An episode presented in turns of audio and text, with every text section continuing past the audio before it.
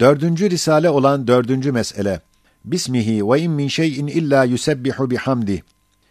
İhvanlarıma medarı intibah bir hadise-i cüz'iyeye dair bir suale cevaptır. Aziz kardeşlerim, sual ediyorsunuz ki, cami-i şerifinize cuma gecesinde sebepsiz olarak mübarek bir misafirin gelmesiyle tecavüz edilmiş, bu hadisenin mahiyeti nedir, neden sana ilişiyorlar? El cevap, dört noktayı bil mecburiye eski Said lisanı ile beyan edeceğim. Belki ihvanlarıma medarı intibah olur, siz de cevabınızı alırsınız. Birinci nokta, o hadisenin mahiyeti, hilaf-ı kanun ve sırf keyfi ve zındıka hesabına, cuma gecesinde kalbimize telaş vermek ve cemaate fütur getirmek ve beni misafirlerle görüştürmemek için bir desise-i şeytaniye ve münafıkane bir taarruzdur. Garayiptendir ki, o geceden evvel olan perşembe günü tenezzüh için bir tarafa gitmiştim.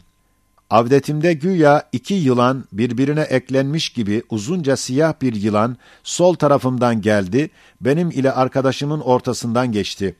Arkadaşıma o yılandan dehşet alıp korktun mu diye sordum. Gördün mü? O dedi neyi? Dedim bu dehşetli yılanı. Dedi yok görmedim ve göremiyorum. Fesübhanallah dedim. Bu kadar büyük bir yılan ikimizin ortasından geçtiği halde nasıl görmedin? O vakit hatırıma bir şey gelmedi. Fakat sonra kalbime geldi ki, bu sana işarettir, dikkat et. Düşündüm ki, gecelerde gördüğüm yılanlar nev'indendir. Yani, gecelerde gördüğüm yılanlar ise, hıyanet niyetiyle her ne vakit bir memur yanıma gelse, onu yılan suretinde görüyordum. Hatta bir defa müdüre söylemiştim. Fena niyetle geldiğin vakit seni yılan suretinde görüyorum, dikkat et demiştim. Zaten selefini çok vakit öyle görüyordum. Demek şu zahiren gördüğüm yılan ise işarettir ki hıyanetleri bu defa yalnız niyette kalmayacak, belki bil fiil bir tecavüz suretini alacak. Bu defaki tecavüz çendan zahiren küçük imiş ve küçültülmek isteniliyor. Fakat vicdansız bir muallimin teşvikiyle ve iştirakiyle o memurun verdiği emir, cami içinde namazın tesbihatındayken o misafirleri getiriniz diye jandarmalara emretmiş. Maksat da beni kızdırmak, eski Said damarı ile bu fevkal kanun sırf keyfi muameleye karşı kovmak ile mukabele etmekti.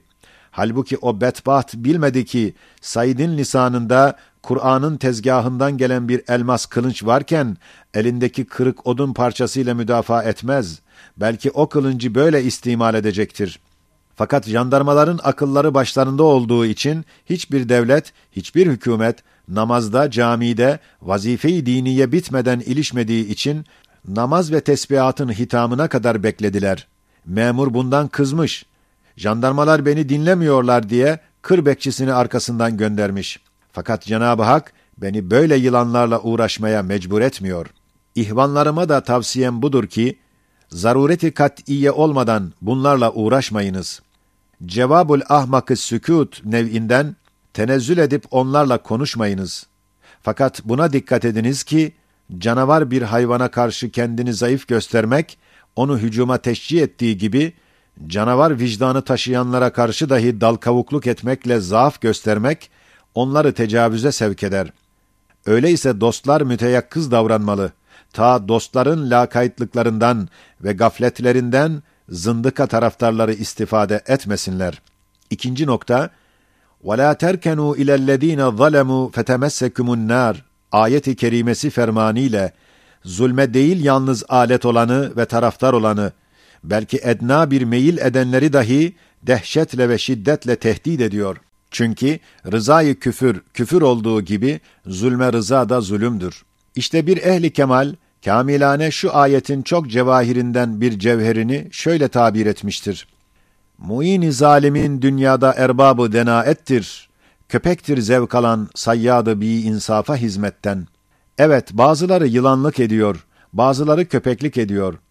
Böyle mübarek bir gecede, mübarek bir misafirin, mübarek bir duadayken, hafiyelik edip, güya cinayet yapıyormuşuz gibi ihbar eden ve taarruz eden, elbette bu şiirin mealindeki tokada müstehaktır. Üçüncü nokta. Sual.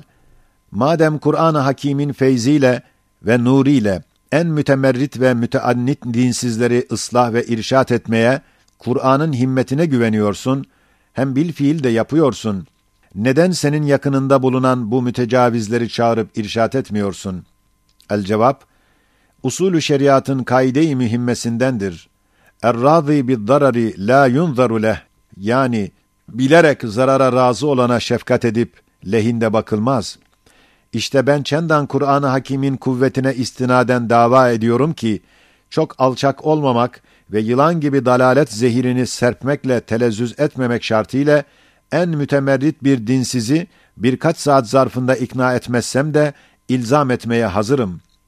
Fakat nihayet derecede alçaklığa düşmüş bir vicdan ki bilerek dinini dünyaya satar ve bilerek hakikat elmaslarını pis, muzır şişe parçalarına mübadele eder derecede münafıklığa girmiş insan suretindeki yılanlara hakaiki söylemek, hakaika karşı bir hürmetsizliktir.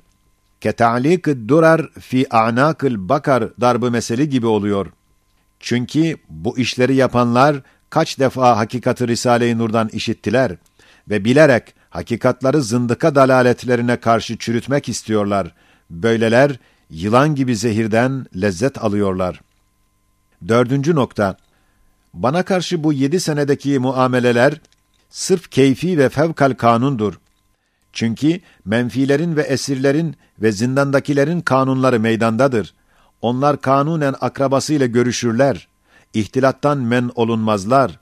Her millet ve devlette ibadetü taat tecavüzden masundur. Benim emsallerim şehirlerde akrabalarıyla ve ahbaplarıyla beraber kaldılar. Ne ihtilattan, ne muhabereden ve ne de gezmekten men olunmadılar. Ben men olundum. Ve hatta camiime ve ibadetime tecavüz edildi. Şafiilerce tesbihat içinde kelime-i tevhidin tekrarı sünnet iken bana terk ettirilmeye çalışıldı. Hatta Burdur'da eski muhacirlerden Şebab isminde ümmi bir zat, kayınvalidesiyle beraber tebdil hava için buraya gelmiş. Hemşehrilik itibariyle benim yanıma geldi. Üç müsellah jandarma ile camiden istenildi. O memur, hilafı kanun yaptığı hatayı setretmeye çalışıp, affedersiniz, gücenmeyiniz vazifedir demiş. Sonra haydi git diyerek ruhsat vermiş. Bu vakaya sair şeyler ve muameleler kıyas edilse anlaşılır ki, bana karşı sırf keyfi muameledir ki, yılanları, köpekleri bana musallat ediyorlar. Ben de tenezzül etmiyorum ki onlarla uğraşayım. O mızırların şerlerini def etmek için Cenab-ı Hakk'a havale ediyorum.